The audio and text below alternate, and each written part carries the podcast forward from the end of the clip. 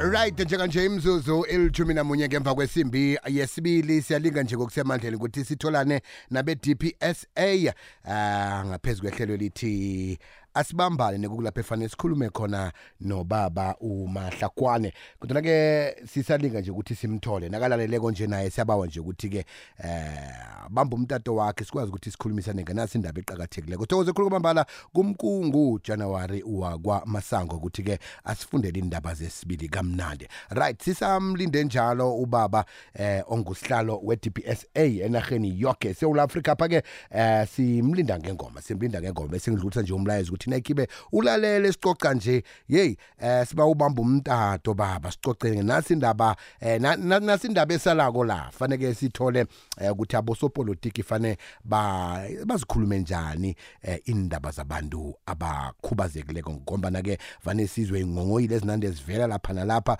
kuthiwa awaman akukhulunywa njalo kukhulunywa nganasi indlela eh, befane ningayibizi ngale ngale ndlela. Sengitsho into le iza kusiza nathi bemrhatshweni ngoba nasikhambe eh sihlatshwe lapha nalapha kuthiwa "I- i bengakafanele ukuthi babantu abanje babantu abanje. Manje ke eh, kuba kuhle nesizwa ngabanikazi bendaba.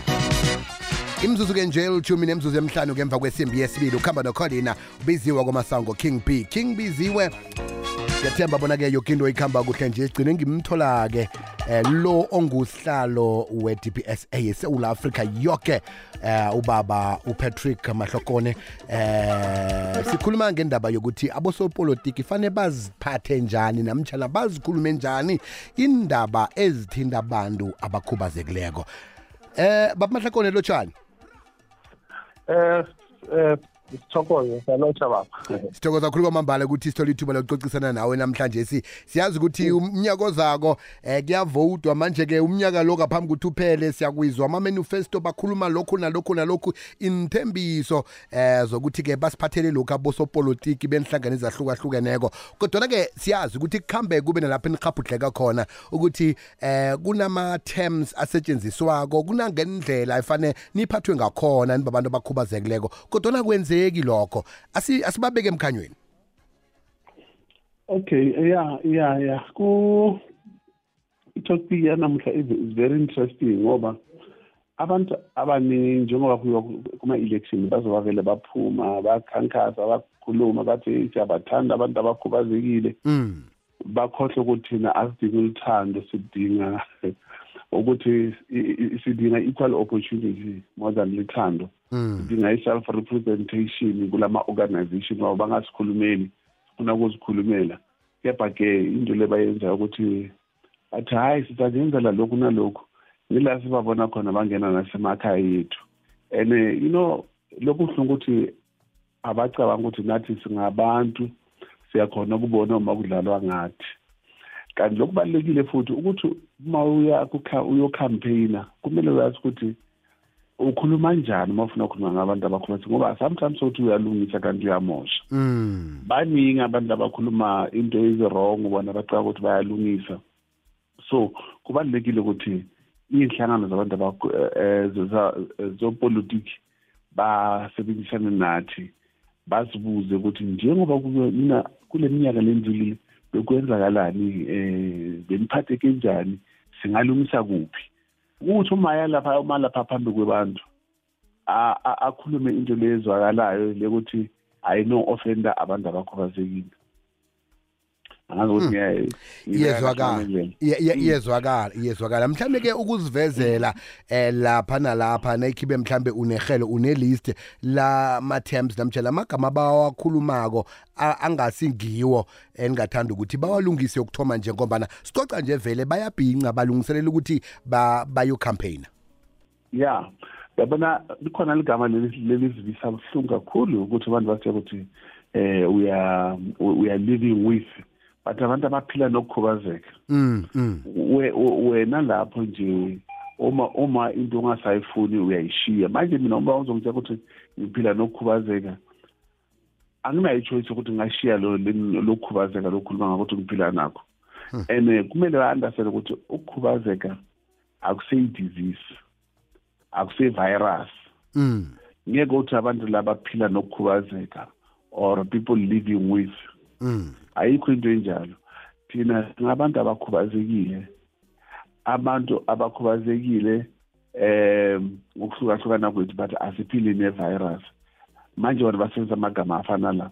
Labanye bathi we are physically challenged noma umuntu ukuthi uba nosi-challenjayo they are unable to say ukuthi uba noku-challenjayo thina singabantu abakhubazekile. Into le khona ukuthi mabasuse ma-barriers la khona then sizabe silingana nabo sabe sikhuluma on equal uh, level yabona so kumele bazi into ezifana lezo nakhona eh bakhona abantu labahlukahlukene nge-disability ngabekisa nje abantu bayabathi um babiza umuntu ngenkawu into efana leyo ayisinjalo umuntu onelibali lemhlophe eh umuntu lo awusho ukuthi deaf and dumb ngoba i-dumb isho ukuthi umuntu stupid yabona um so kuningi lokumele bakwazi yabona so lokho sizocela khona ukuthi kwamanje njengoba icampaign mabahlangane nathi basibize basibuze ukuthi um uma siya lapha silungisa kanjani uthola uyohlangabeza ne-document le-high level mara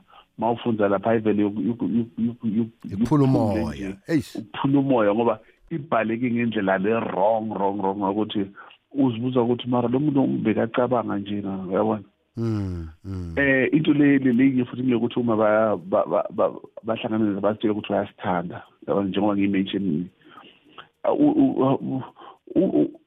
kumele umthande umuntu ophila naye uthande abantwana bakho uthande ubathande abantu. Mara uma uzothi kimi uthi siyanithanda siyanithanda uma thina ngala sithi siyahlupheka sifuna ukuthi izinto zilungiswe nokhulume ngelithando ayisebenzeli into enjalo.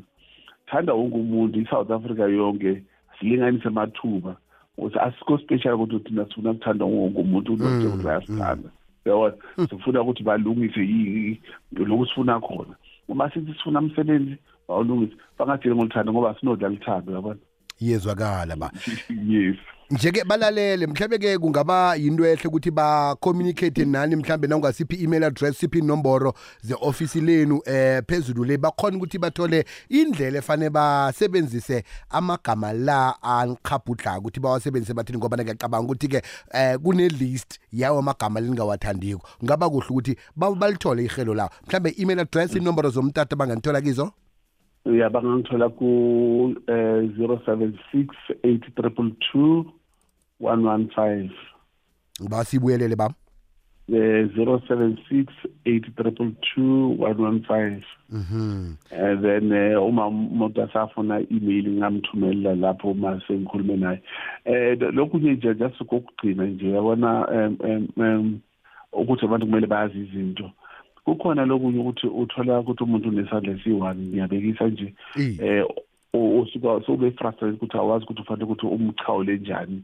Eh ngoba kunento iculture ukuthi umuntu ufanele usebenzisana it's right? So kuningi lokumele sibafundise but badlala edzeni nathi uyabona? So i wish ukuthi bangathi mangabalalele bazibandakanye nathi ngoba sokhona kubafundisa lokuningi ngoba bakwazi nge-disability. Mhm. Ba sithokoze khulu kwamambala mani. Siyayibona imisebenzi eniyenzako. Siyabona kodwa ukuthi eh kokhunye nikubawake nakubawako nayisathoma ku-DPS yakabi ukuthi kufinyeleleke. Eh siyathemba ukuthi ngokuhamba kwesikhathi kuzagcina kufinyelelekile. Siyayibona eh imizamo yeni eniyenzako. Niragele phambili ngitsho no siyabonga baba. Sithokoze khulu kwamambala. Mdlali kokwez FM bekade sikhulumisana naye ngubaba uPatrick wakwamahlakone eh onguye-ke ongusihlalo we-DPSA yokuyihlangano yongamele eh, inhlangano ezikhona enarheni yoke ezijamele abantu abakhubazekileko. Lihlelo asibambane.